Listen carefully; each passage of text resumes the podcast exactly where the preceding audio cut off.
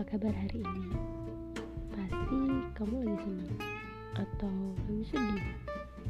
Lagi marah ya? Apa ada hal yang buat kamu jadi bingung?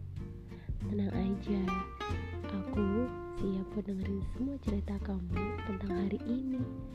Iya, hari ini. Aku tunggu ya.